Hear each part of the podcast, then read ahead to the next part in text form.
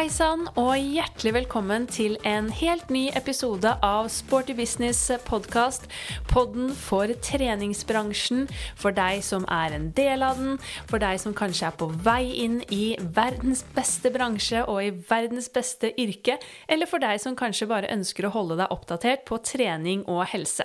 Jeg heter Eva Katrine Thomsen og driver inn Spartum Akademi, som står bak denne podkasten i samarbeid med North Stories, og jeg gleder meg nå til til å servere deg nok en ny episode med en dyktig og spennende gjest.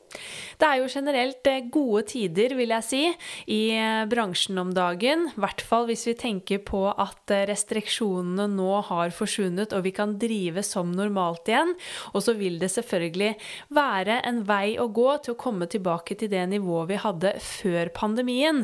Men selv om ting kanskje ikke er helt som før, så har vi i hvert fall nå muligheten til å drifte normalt og virkelig legge til rette for at vi kan få menneskene inn på senteret sentrene våre igjen, og forhåpentligvis så vil vi se vekst og blomstrende sentre fremover i løpet av våren og sommeren. Det håper jeg virkelig. Nå er det bare å rette blikket fremover for oss eh, alle, så det ser jeg fremover. Og så kan jeg bare røpe det at eh, Virke aktiv helse har også mye spennende på agendaen fremover. Så der kommer det til å eh, skje noe ganske kult om ikke veldig lenge. Så en liten sånn Et lite hint om det, altså. Så bare følg med videre, så kommer det til å komme noe veldig spennende fra den kanten for alle oss i treningsbransjen.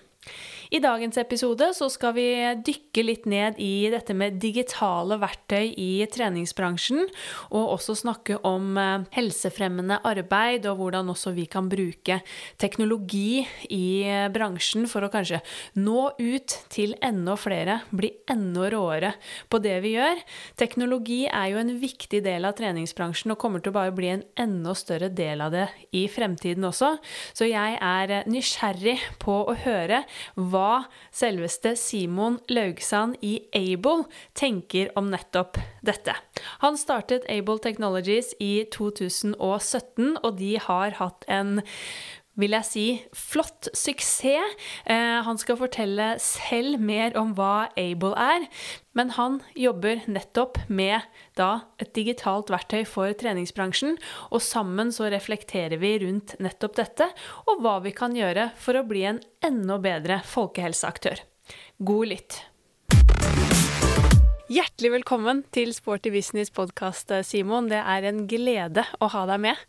Tusen takk. Så det her har jeg virkelig sett frem til. Og så var det jo flaks at jeg kunne treffe deg en dag du faktisk var i Tigerstaden og ikke langt oppe i nord, så det er jeg jo veldig glad for. Og for de som eh, ikke kjenner deg og vet hvem Simon i Able er, kan du ikke gi en liten introduksjon av deg selv? Yes, jeg heter som sagt eh, Simon eh, Laugsand. Kommer fra Tromsø, er administrerende direktør i Able Technologies, som er en, et helse- og teknologiselskap fra Tromsø. Min bakgrunn studerte klinisk ernæringsfysiologi på Universitetet i Tromsø. Har uh, studert personlig trener og jobba som det i uh, snart ti år. I mai i år er det ti år. Uh, så har jeg studert business administration i tre år i USA.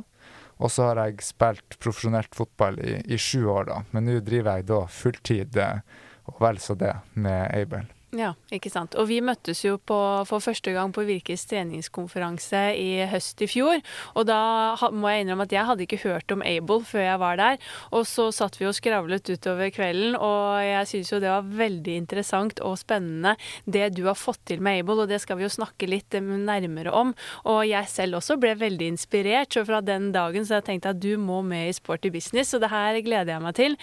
Men eh, du nevnte jo det at du har jo, jobber jo og har jobbet som personlig trener og har vært en aktiv del av treningsbransjen. Men sånn fra et litt mer medlemsperspektiv, hva er ditt forhold til treningsbransjen, eller når begynte du selv på et senter første gang? Ja, nå har jeg jo trent hele livet, eh, og elsker jo trening og det å være aktiv. Eh, så det har vært med siden jeg sikkert var tre år. Eh, første gang jeg var på treningssenter, det var da jeg var ja, 18, kanskje. Uh, og første gang jeg tok markløft, det var faktisk ikke før jeg var på, på PT-utdanninga i 2011. Nei. Men siden da så har jeg vært eh, fast inventar på, på mange forskjellige treningssenter. Ja, ikke sant. Og gruppetrening, da? Gruppetrening eh, har jeg fått eh, mer innsikt i, i, i løpet av 2021. Eh, og fått eh, både ja, bedre innsikt og et bedre forhold til sånn sett. Ja, det er godt å høre. Vi har jo diskutert det før, så jeg driver sånn propaganda for å få deg inn på gruppetrening. Men jeg skjønner at du har fått litt mer eh, innsikt i det. Og så Vi har blitt enige om at det også er veldig god trening for veldig mange. Ja. Ja. Men Able, da, som du nå jobber med, hvordan ser arbeidshverdagen din eh, ut nå? Ja, det, det, er veldig artig. Det er veldig mange som uh, syns at det vi gjør er nyttig for de, spesielt personlige trenere og, og andre i treningsbransjen. Eh, det går jo i veldig mye møter. Vi ønsker jo å bidra med verdi, og da må vi jo ut og prate med folk. Så det er møter, ja, tre, fire, fem fysiske møter om dagen, og så er det kanskje fem til ti eh, digitale møter. Jobber jo også som personlig trener litt fortsatt. Eh, fram til i, i fjor eh, sommer så var det mye fysisk PT. Mens uh, nå er det mer uh, digital. Og det er ikke fordi at jeg ikke har lyst til å være fysisk, men det er fordi at jeg reiser så mye at det ikke er ikke rom for det. Mm. Så ja, en, en, klassisk dag består gjerne av totalt 20 møter, men da er det kanskje 10-12 ut av de som er en halvtime eller et kvarter. Og så er det ellers litt lengre fysiske møter som som det går i. Men det, det er gjerne en 16-timersdag eh, fem dager i uka og en 10-timersdag to dager i uka. Ja, ikke sant. Sånn er det å være gründer. Ja. ja. Men hva vil du si er det beste med jobben din uh, i Able i dag, da? Ja, jeg føler jo, Nå er jo min bakgrunn at jeg har spilt fotball, og hadde jo hele livet liksom lyst til å bli fotballproff og liksom spille i Premier League og det som alle andre vil. Eh, og grunnen til det er jo fordi at da er man jo en del av et lag, og så presterer man jo og får til tinga. Og akkurat det gjør jeg jo nå. Eh, jeg har jo et fantastisk team med meg. Vi er jo nesten 50 ansatte i Aibel.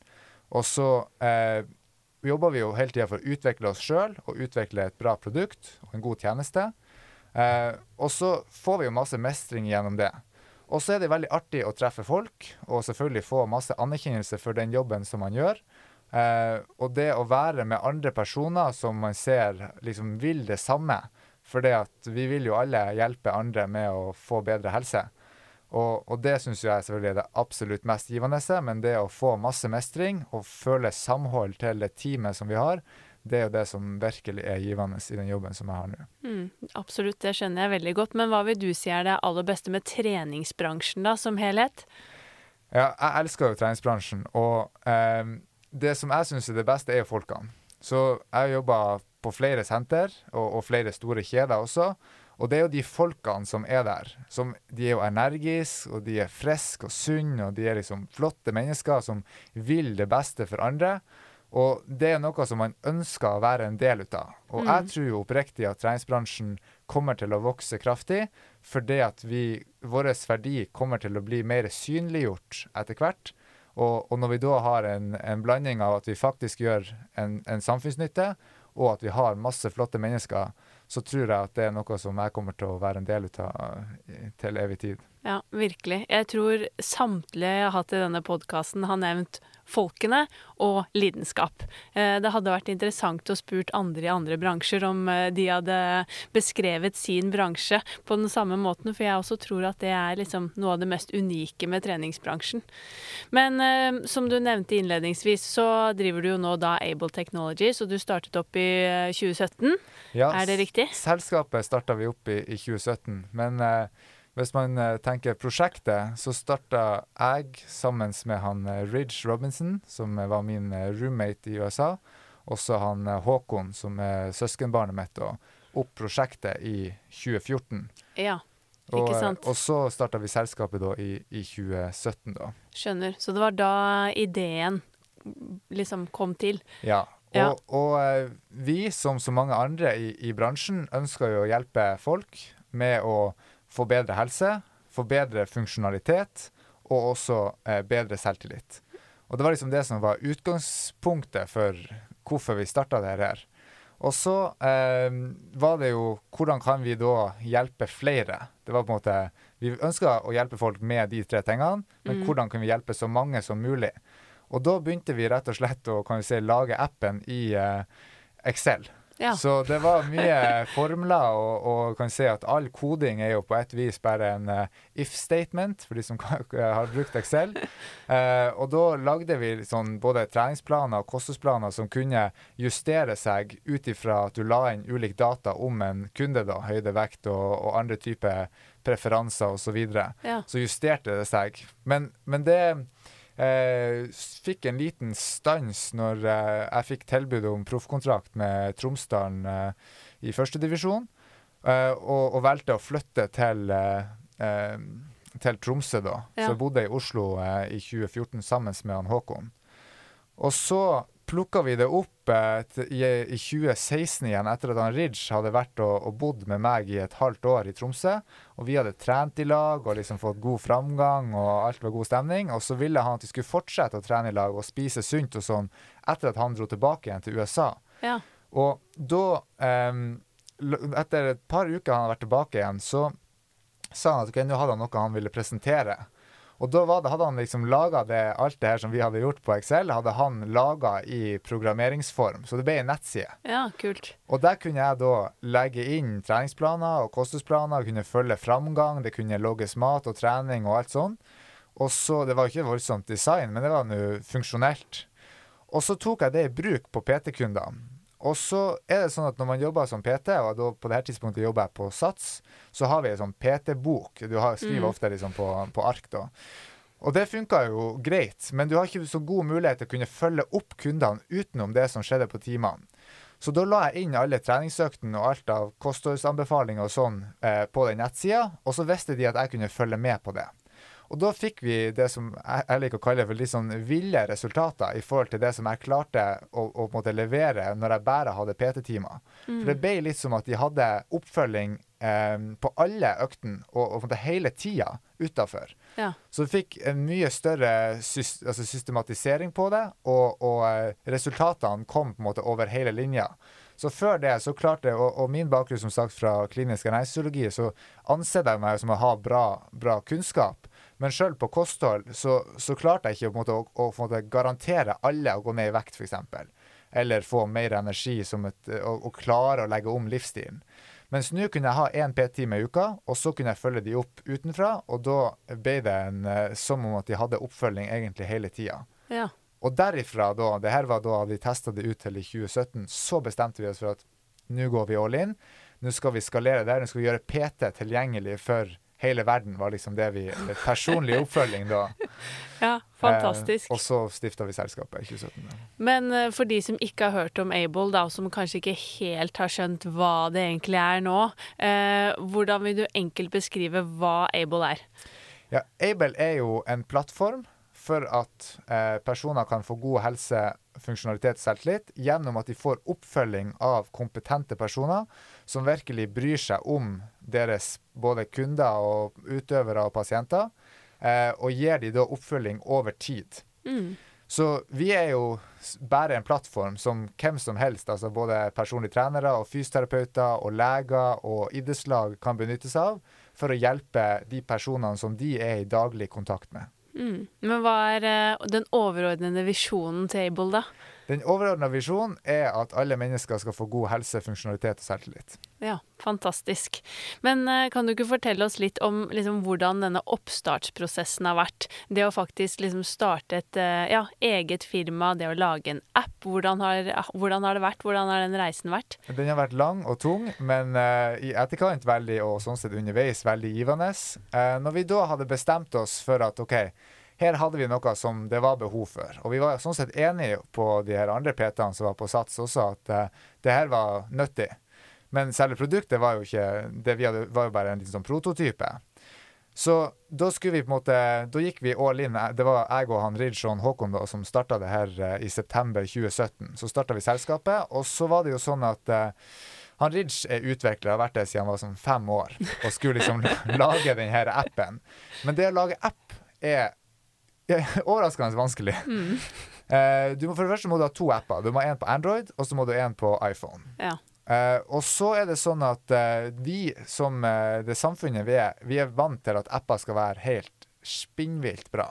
For det er liksom Facebook og Instagram og Snapchat og det er Safari og liksom alle de her sinnssykt bra appene, Google.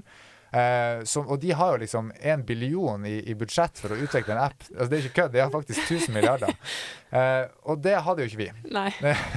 Vi hadde han Ridge, som skulle da utvikle to apper og hele backend og alt av liksom det her greiene som vi skulle ha i denne appen. Og det fant vi ut at det hadde vi jo ikke kapasitet til. Så da måtte vi jo ansette noen. Ja. Og det er dyrt. Mm. Norske utviklere som på en måte kan det de s- kan, det er jo 900 000 til en million. Eh, og det hadde jo ikke vi. Så eh, vi måtte jo da finne noen som kunne jobbe til litt lavere pris, og da fant vi noen i India. Mm. Eh, men så er det jo ikke bare å shippe noen penger til India og tenke at det her går, går seg til. så da shippa vi oss sjøl til India. Ja. Så da reiste vi dit, og så bodde vi med de. Jobba med de, levde med de, liksom ble kjent med de på et personlig nivå. Hvordan var deres kompetanse, og fikk de til å forstå hva vi ønska å utvikle. Eh, og mens vi var der borte, så endte vi opp med å måte ansette tre stykker. Så Ja. en iPhone, en Android og så en backend, som vi ser liksom all tenkinga som appen gjør, da. Mm. I tillegg til den Ridge. Eh, og så kosta jo det penger, det også. Så da måtte jeg eh, begynne å finne tak i de pengene. Så da tok jeg opp telefonen, og så ringte jeg venner og bekjente. Og så fikk jeg 120 stykker til å investere noen sparepenger. Sånn mellom 5 og 10 000 kroner. Så vi Ja. hentet inn liksom en, en million på det. Fantastisk. Eh, og det var jo helt, veldig nyttig, men, men også helt avgjørende. Og så tok det jo mer penger. Det var jo ikke gratis, det her, så vi måtte søke offentlig støtte. Fikk eh, 700 000 fra Innovasjon Norge over to omganger. Mm. Første gangen var vi litt utydelige i hva vi skulle prøve å utvikle, så vi fikk avslag. Og så måte, jobba vi oss gjennom et nysøknad, og så fikk vi tilskudd på det. Og så fikk vi tilskudd på nytt igjen, og senest i fjor fikk vi 1,3 millioner til. Ja. Men da hadde vi på en måte fått nok penger til å utvikle det som på en måte ble første versjon av appen som vi lanserte i januar 2019. Ja. Og så var det jo sånn at vi hadde på et vis eh, hoppa over noen steg, gjort noen eh, feilkalkuleringer, hvis jeg skal si det sånn. Eh, og trodde jo at det var jo bare den kunnskapen som PT-en hadde, som var clouet.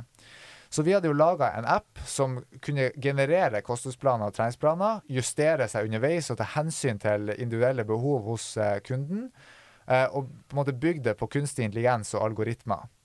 Og var jo stålstolt eh, stolt over det vi hadde fått til her, ikke sant? Brukte ett og et halvt eller to år på å utvikle det her, eh, og lanserte det i 2019 i januar. Mm. Og så eh, fikk vi jo masse sånn eh, engasjement rundt det. Og mange som lasta det ned. Det var nesten sånn 1000 stykker. Eh, yay, bra. Og så døde jo det ut. Ja. For hva, OK, her er det et eller annet som vi hadde missa på. Nei, og det vi hadde missa på da, det var jo det at eh, folk eh, trenger jo oppfølging. De trenger eh, noen som er der og heier, og gir de rett og slett anerkjennelse for den jobben som de gjør. Mm. Og det fant vi ut av. Vi kjørte et studie hvor vi eh, rekrutterte 30 personer via ei Facebook-gruppe. Og Så randomiserte vi det inn i to eh, grupper av 15 personer. Og så fikk den ene PT og appen, og den andre fikk bare appen. Så kjørte vi tester før, under og etter. Eh, og så logga vi på en måte hva de gjorde. Og så så vi jo det at alle var like gira de første ti dagene. Det er jo sånn som starta i januar. Fullt trøkk, høye mål. Og så skjer jo livet. Og det er ikke fordi at ikke folk er på en måte videre motivert, men, men livet skjer på en måte. Mm. Og da eh, så vi at de som ikke hadde oppfølging, de datt av etter ti dager. Mens de som hadde PT, de dura på videre. Og så de siste sju dagene før eh, på en måte, ny registrering, så var alle like på igjen. For da skulle du jo liksom rapportere om hva du hadde gjort. Så da måtte vi jo konkludere med det at OK, vi er helt fullstendig avhengig av å ha med oss alle PT-ene, fordi at alle folkene er avhengig av PT-ene. Mm. Så da la vi rett og slett litt om, og så utvikla vi det som vi da kaller i dag for Able Admin. Som er liksom det nivået over appen, hvor PT-en og fysioterapeuten og ernæringsfysiologen og legen osv. kan eh, fø- legge inn opplegg og følge med hva kunden eller pasienten da gjennomfører. Ja. Eh, og når vi da lanserte den i eh, 2020, så fikk vi eh, ny smell, selvfølgelig. For da kom jo eh, Vi lanserte den i, i mars 2020. Mm. Og så tenkte vi ok, men da får vi bare gripe det mulighetsrommet som kommer via online coaching, da. Ja. Men når da i april så kom det en sånn redningspakke til hele treningsbransjen, så bare skjøtta hele greia ned. ja. Og så var det jo sånn at når vi lanserte den her i 2019, så var vi jo tom for penger. Men vi kunne jo ikke stoppe å utvikle, for vi hadde jo ikke utvikla et perfekt produkt ennå. Så da måtte jo jeg begynne å betale for det her sjøl. Ja. Så da jobba jeg fulltid som PT. Hadde liksom, eller fulltid, fulltid, jeg hadde liksom 25 PT-timer, altså 800 000 i året da. Som jeg bare kjørte rett inn i bedriften for å betale for designer, utvikler, servere, alt de tingene der. Og det var jo på en måte både hele 2019 og hele 2020 og halve 2021 da. Men i alle fall så kom jo lockdown, og jeg måtte jo fortsette å levere P-timer. Så var det jo sinnssykt med intervaller ute for, for å aktivisere kundene og kunne trekke klipp. Eh, og så kom vi oss gjennom det, og så kom vi til sommeren eh, 2020, da. Og da hadde vi liksom testa det ut på kanskje sånn 50 stykker. Og, og folk syntes at det var bra, men det var ikke det var mye bugs fortsatt. Og sånn er det i utvikling. Mm. Eh, men det var på en måte bra, men ikke sykt bra, liksom. Eh, og så tenkte vi OK, men vi har jo en visjon om å hjelpe mennesker, og så må vi ha med oss mennesker for å hjelpe. Så hvem er det som sitter med mange mennesker? Jo, det var jo da Akademiet for personlig trening, blant annet. Eh, så vi gikk til de, og så sa vi at her er det vi har laga. Og vår visjon er at vi skal gjøre PT tilgjengelig for hele verden. Og dere har jo PT. Kan det være interessant at hvis vi gir det til dere, så får dere lov til å distribuere det ut gratis, rett og slett, til deres studenter. Uh, og da tok vi også at de faktisk fikk uh, litt tid etter studiet for å måte, gi ekstra verdi. Mm. Og så uh, fikk vi veldig god feedback på det. Han Espen i, i AFPT sa at han hadde trua på det vi gjorde, og uh, ville være behjelpelig med det. Og, og derifra har det på en måte gått uh, rett til himmels, egentlig. For da Mm. hadde vi starta måte hadde 50 PT-er. Og så fikk vi liksom par 300 den høsten der. Og så fikk vi også med oss Active Education. Han eh, Ola i Active Education var, så det samme når vi tok kontakt med han. Eh, og så fikk vi med oss en stor kjede som sa at det her er jo kanonbra. Eh, så da fikk vi inn 50 PT-er som liksom kjørte hele sin business, for at du kan liksom fakturere og kjøre regnskap og sånn også inne på plattformen. Eh, og så rydde det jo på med masse flere PT-er, og egentlig gjennom hele fjoråret så gikk vi da opp til 1500 PT-er før vi starta nytt år i år, da. Ja. Så har vi jo fått ei 30-dobling på 18 måneder, Ikke som jo er ganske heftig. ja, det er jo helt rått. Ja. Veien til suksess er jo sjelden en rak Ja. eh, linje til topps, for å si det sånn. Så Ja. dere har jo vært innom en del berg-og-dal-bane-runder underveis, så det er utrolig inspirerende å høre. Eh, og jeg vet jo, og det hører sikkert alle som eh, hører på podden også, at du er jo lidenskapelig opptatt og har et brennende engasjement for nettopp det helsefremmende arbeidet og har lyst til å hjelpe så mange som mulig til en mer aktiv hverdag. og sunnere livsstil. Eh, og deres vinkling inn er jo ved hjelp av et digitalt verktøy, egentlig, og ved hjelp av da teknologi. Eh, men hvordan tenker du teknologi vil påvirke treningsbransjen og også liksom eh, nordmenn generelt fremover? Tror du vil spille en enda viktigere rolle i det helsefremmende arbeidet? Ja. Så jeg kan jo bare fortelle litt i forhold til det som går på Hvis vi tar det helsefremmende, så er vi jo nå inne i Det er fem sykehus som bruker Aibel. Eh, og vi tror jo det at eh, det her kommer til å gjøre at, at treningsbransjen og helsebransjen kan samarbeide mye bedre. For jeg personlig tror jo det at treningsbransjen er der hvor liksom all lidenskapen er. Og så vet vi at mye av kompetansen i forhold til helse er i helsesektoren. De har Mm. en måte doktorgrader og professorater og lege og hele pakken. Mens eh, mye av helsegevinsten skjer i treningsbransjen. Sånn at hvis man kan få til et samarbeid, eh, så tror jeg at eh, man kan få en mye større helsegevinst for hele eh, befolkninga som helhet. Mm. Og da er jo der vi tror at vi kan bidra eh, med at vi kan være ei bru mellom helsesektoren og treningsbransjen. Og rett og slett fasilitere til at flere kan få hjelp over lengre tid. For det er jo sånn at vi kan aldri komme til å erstatte mennesker. Det fikk vi jo en smertelig erfare her når vi på en måte kaller for prøvde å gjøre det. Så den feilen vil vi ikke å, å gjøre igjen. Eh, men, men teknologi kan forsterke menneskene. Det kan tilgjengeliggjøre det, og det kan effektivisere prosessene.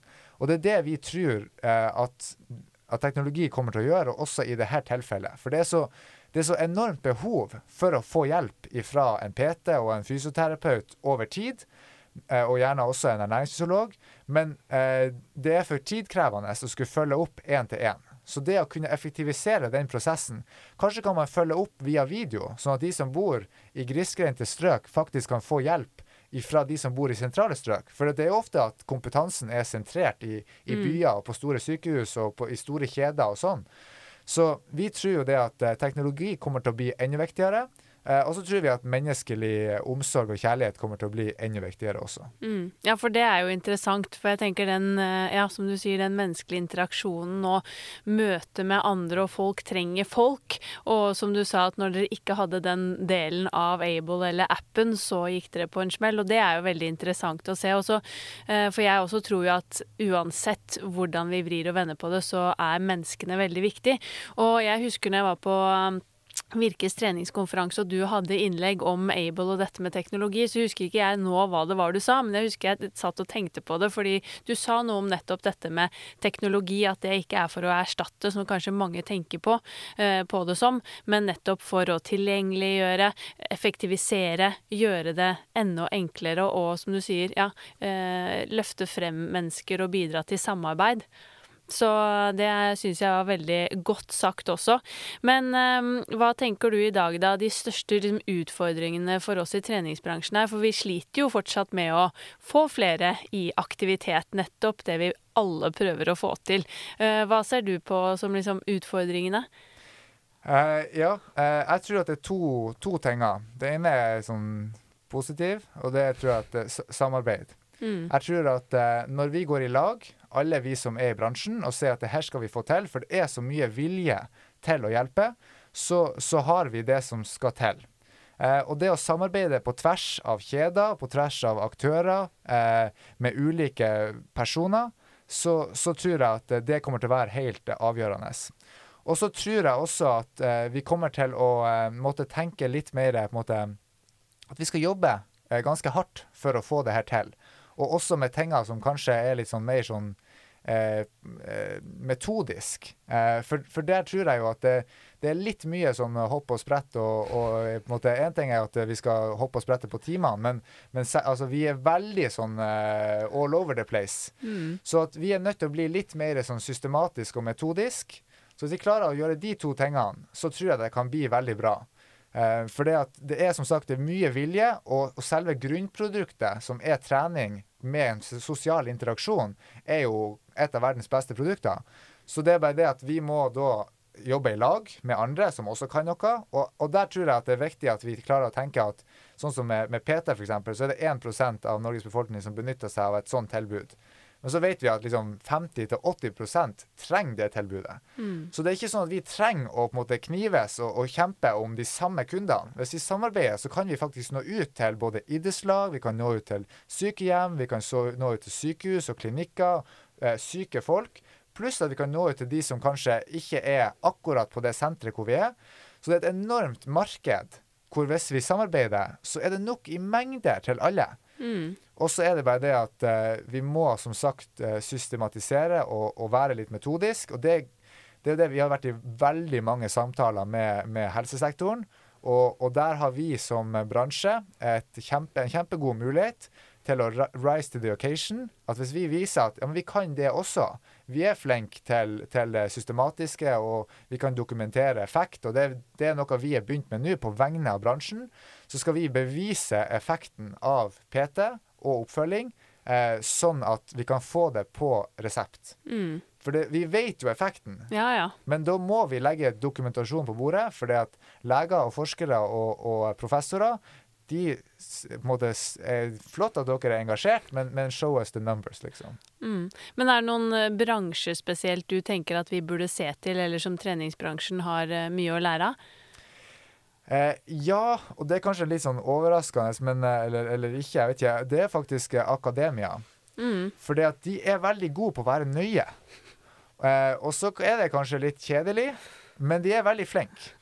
Og hvis vi klarer å være like nøye Uh, så vi kan forske på tinga, vi kan strukturere tinga, og vi kan, uh, uh, tenke at vi skal ikke være så påståelige, vi skal heller det er kanskje flere som sitter med lure svar, så tror jeg at vi kan virkelig vokse på det. Mm. Absolutt. Det blir jo jeg veldig glad for å høre. Og ja, jeg tror også det å liksom ydmykhet og det som du sier, det å kunne dokumentere ting og det å gjøre ting enda ja, mer ordentlig, rett og slett. For vi vet jo det at det er mange som ja, kanskje ja, har havnet i bransjen litt sånn tilfeldig, og som kommer inn med ulik kompetanse, sånn at vi hjelper hverandre også til å liksom heve den kompetansen over hele linja, og at vi får en felles standard å drive, drive etter. Uh, og der skjer det jo også mye spennende hos uh, Virke, som nå heter Virke Aktiv helse. Og vi sitter jo faktisk og har fått låne podkastrommet hos Virke nå, og har vært i et spennende møte angående kompetansepakke som Virke ønsker å tilby. Så det, det skjer jo mye spennende nå, så det blir uh, veldig gøy å følge utviklingen videre. Men som du nevner, så er det jo en bransje fortsatt i vekst. Det er en ganske ung bransje, og hvis vi klarer å få til mer samarbeid, det er enorme muligheter. Og jeg tenker at eh, mange rundt omkring som jobber i bransjen, eller som kanskje er nysgjerrig på å jobbe i bransjen, sitter kanskje og har mange ideer, har lyst til å starte for seg selv. Har du noen gode tips som gründer for hvor, hvordan setter du i gang da? For det er jo eh, en utrolig krevende prosess, og for mange er det vanskelig bare å komme i gang. Har du noen gode råd? Ja, eh, der kan jeg jo snakke av egen erfaring. Det å ikke starte alene, men starte med noen som er like engasjert og, og er villig til å legge ned en like stor jobb jeg skal på en måte ikke være helt påståelig, men jeg tror at det er ganske avgjørende for at man skal lykkes. Så gå i hopen med noen. Eh, det er sånn samme med hvis man trener. Så hvis man har en trener, altså hvis man er to, så er sannsynligheten for at man lykkes mye større. Så det er på en måte punkt én. Eh, og så er det å finne noen som også kan du si komplementerer det, det, som du har. Så jeg hadde jo noen som da var god på utvikling. Og så var vi begge interessert i trening. Men det, jeg hadde det trenings- og ernæringsfaglige mens, og økonomien, da, mens han hadde det, det tekniske. Mm. Og så eh, tror jeg jo at eh, et annet tips er jo da på en måte ikke være så enormt redd for at eh, eh det du sitter med, er liksom ekstremt unikt, og ikke fortell det til noen. Gå ut og fortelle. Mm. Og så du, trenger du ikke å fortelle det til de du tenker er konkurrenter, men fortell det til venner og familie og folk som du stoler på. For da får du feedback på om det her er lurt eller ikke. Og så har du selvfølgelig trua på det som du har av idé, men så kan du få noen gode ideer, og du kan få noen kritiske spørsmål som gjør at du tenker en ny tanke. Og det tror jeg er kjempenyttig. Mm. Absolutt. Har du noen gode Du kommer jo først og fremst fra PT-yrket, og det er det dere liksom virkelig har spisset på en måte Able-appen til foreløpig. Har du noen gode tips for de som uh, jobber som PT rundt omkring, som ønsker å lykkes bedre i det de gjør? Eh, ja, eh, gode tips til PT-er som ønsker å lykkes. Og eh, da er jo alltid det første tipset det er jo å gi. Og det er litt sånn i, i livet også generelt, at hvis du gir, så får du ofte igjen. Og når man er PT, så sitter man med mye verdi. Du, set, du, har eh, kompetanse, og du har eh, ønske om å hjelpe, og du har også eh, evne til å hjelpe. Så da er det egentlig rett og slett bare med å starte med å hjelpe. Og så trenger ikke det at være at du skal drive og kjøre uke opp og uke ned med gratis PT-timer. Men hjelp eh, på nye arenaer hvis du har lyst til å, å få et eh, fotfeste der. For det var det vi gjorde. For, vi ga jo ut masse gratis. Mm. For det, det ble jo nyttig for de. Og hva har skjedd nå? Nå har vi jo på en måte fått relasjoner som har gjort at vi også kan være med og, og påvirke på, på, bransjenivå.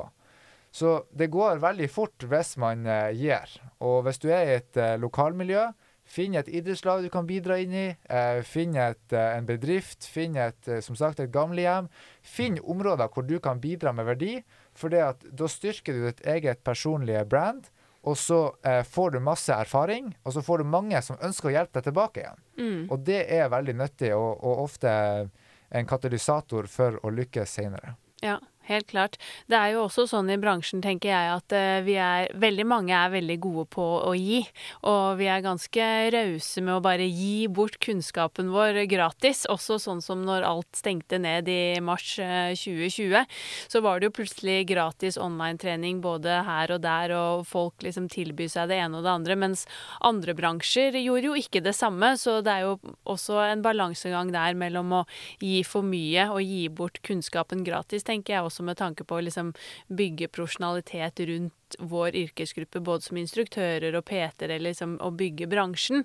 Hvor tenker du balansegangen der går? Ja, og, og, der kan jo jeg komme litt med litt sånn uh, Kalle for litt sånn uh, kynisk kunnskap på et vis.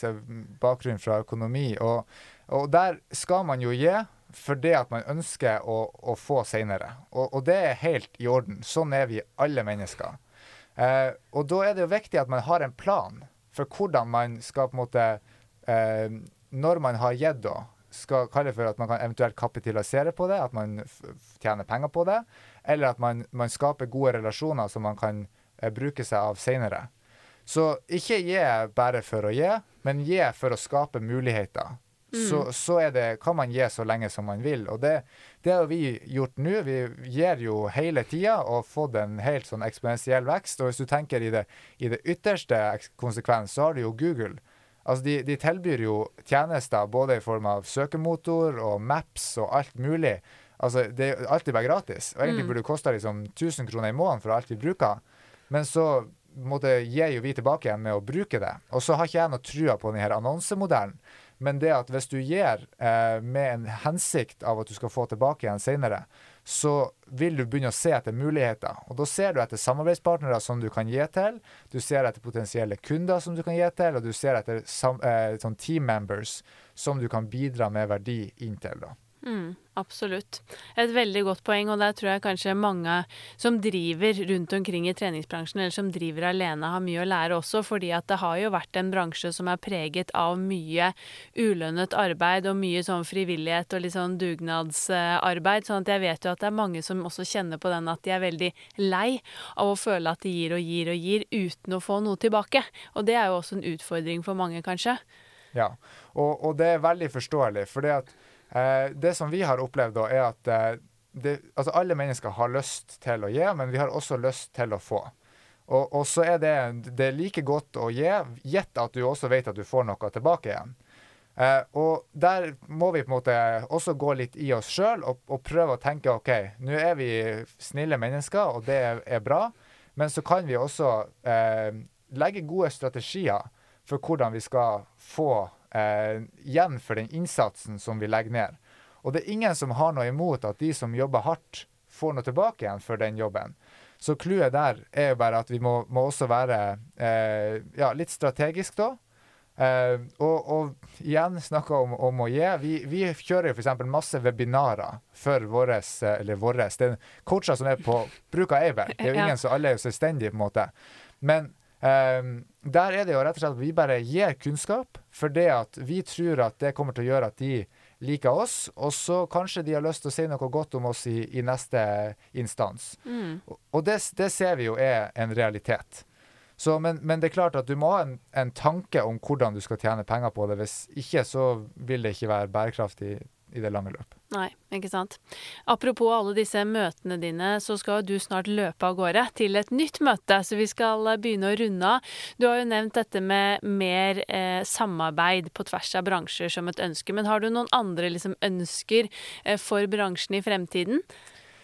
Uh, ja, jeg har et ønske om at vi skal tenke uh, helse, funksjonalitet og selvtillit litt mindre enn eh, prestasjon og utseende.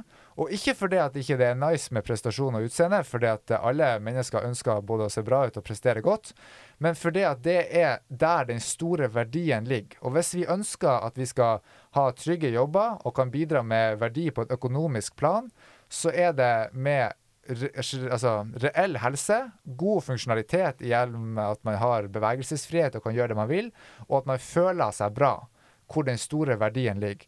Og Hvis man tar det perspektivet heller, som er et litt mer langsiktig perspektiv enn det helt sånn korte gå ned i, i vekt eh, mm. nå for å se bra ut uh, og, og, poenget her er ikke det at uh, altså Resultatet blir det samme. Hvis du på en måte går ned i vekt og begynner å trene styrke og, og går på uh, timer osv. Og, så videre, og, og, på en måte optimaliserer helsa, så vil du også få bedre prestasjon og kalle det for utseende. Men du gjør det ikke av det. Og, og, det er en liten sånn mindset-greie som gjør at du begynner å se etter litt andre muligheter og, og, andre måter å gjøre det på, som gjør at du da faktisk ender opp med å da kunne bidra med større verdi, og da også kunne få en større økonomisk gevinst eh, over tid også. Mm. Og hvis vi da tar det eksempelet med helsesektoren, så er det jo akkurat det de gjør.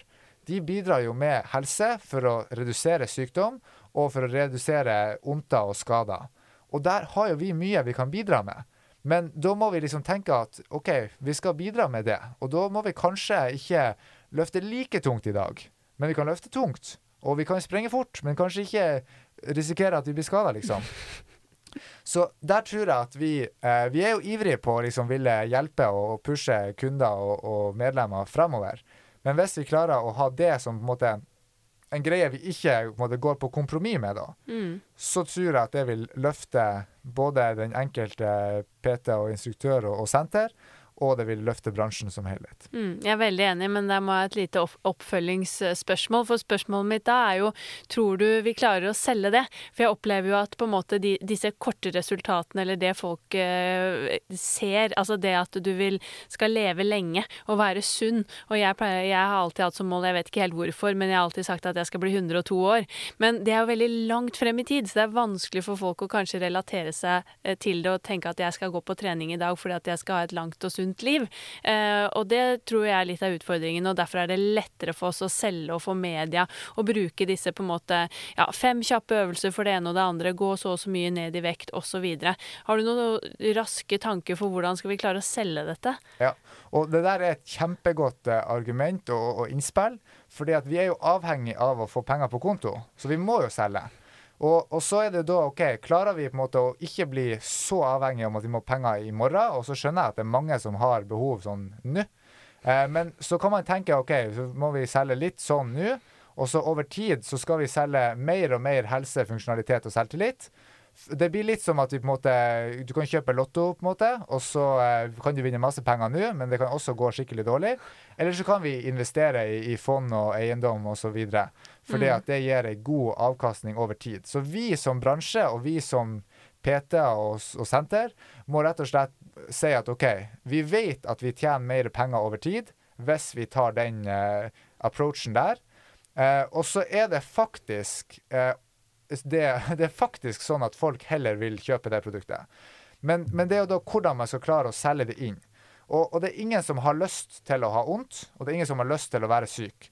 Så der er det jo litt sånn at hvis vi klarer å, å på en måte heve kompetansen vår sånn at vi er i stand til å hjelpe dem med de to tingene der, så er folk villige til å betale for det. Og ikke bare det at de ikke skal dø når de er 80, men heller blir 90, men at de ikke skal ha vondt nå. Mm. Og så, eh, og for det er mange som får mindre smerter bare av å være aktiv, og det er godt forska på. Og så får vi jo bedre bevegelsesfrihet, og da kan det være et skikkelig salgspunkt. For det at du kan være med på mer. Mm. Så du kan være med både barnebarn og unger, du kan være med på sosiale happenings, og du kan bevege kroppen fritt, og det, liksom er, det er mindre stress og alle de tingene der. Og det har en reell verdi som man får hvis man blir mer aktiv, hvis man får pulsen opp, og hvis man trener styrke, eh, og blir lettere i kroppen. Og så eh, er det det her med, med selvtillit. For egen del, ikke for å se bra ut, men for å føle seg bra. Mm. Som veldig mange er interessert i å betale for. Men da må du ha det, in, in, det introspekt, måte, og ikke utover. Mm. At du skal gjøre det fordi at det er bra for kunden, ikke fordi at eh, kunden burde være kul. For, for kunden blir kul som et resultat, men ikke gjør det av det. Mm. Jeg er helt, helt enig, og, og jeg tenker jo at dette her er jo verdens beste produkt. Så jeg tror jo også at kanskje vi må snu om og tenke litt nytt på hvordan vi skal kommunisere dette ut til folk, og ikke være redde for å selge det, men heller jobbe med hvordan vi skal gjøre det. Mm. Men helt avslutningsvis, da, har du noen du kunne selv tenke deg å høre i eh, Sporty Business? Ja, jeg kunne jo tenkt meg at uh, man kanskje fikk inn en forsker da, for å snakke litt om, eh, om ja, noen av de, deres perspektiver. Eventuelt eh, noen fra helsebransjen, Mm. oss, eller helsesektoren da. Eh, for jeg tror at eh, det å samarbeide tett med de to eh, bransjene der, eller sektorene der, eh, kommer til å være nyttig for oss eh, i hele bransjen, treningsbransjen da, i årene fremover. Helt klart. Og hvis folk har lyst til å følge deg eller sjekke ut Able Technologies, hvor kan de finne dere på sosiale medier? Ja, da går de able.health eh, på Instagram. Eh, kan de søke opp eh, bare Abel på Facebook, eller så kan de følge meg personlig, som er simon.laugsand. Yes. Herlig. Tusen hjertelig takk for en eh, kjempefin og spennende prat. Jeg blir veldig inspirert eh, her jeg sitter nå også, som første gang da vi skravlet. Så jeg gleder meg til å dele dette her med lytterne. Så tusen hjertelig takk for at du tok deg tid. Sjøl takk for at jeg fikk eh, komme og prate. Tusen takk for at du lyttet til nok en episode av Sporty business. Håper det var eh, inspirerende prat på øret, og at du fikk litt eh, kanskje nye ideer, litt nye perspektiv for hvordan vi kan jobbe i bransjen eh, fremover. Jeg håper du vil følge oss på Instagram at Sporty Business Podcast. Bli gjerne med i Facebook-gruppen vår Sporty Business. Og så poddes vi selvfølgelig igjen om to uker. Bli veldig glad hvis noen har innspill også, så er det bare å fyre løs. Kan alltid sende en mail til eh, info at inspartum.no, eller legge igjen en melding eller kommentar på Instagram. Det setter jeg bare veldig stor pris på. Så ønsker jeg alle sammen lykke til fremover med drift av treningssentrene, og håper virkelig at vi klarer å få mange inn på sentrene våre fremover denne våren. Vi poddes igjen om to uker. Ha en sporty uke videre. Denne podkasten produseres av Inspartum Akademi og North Stories.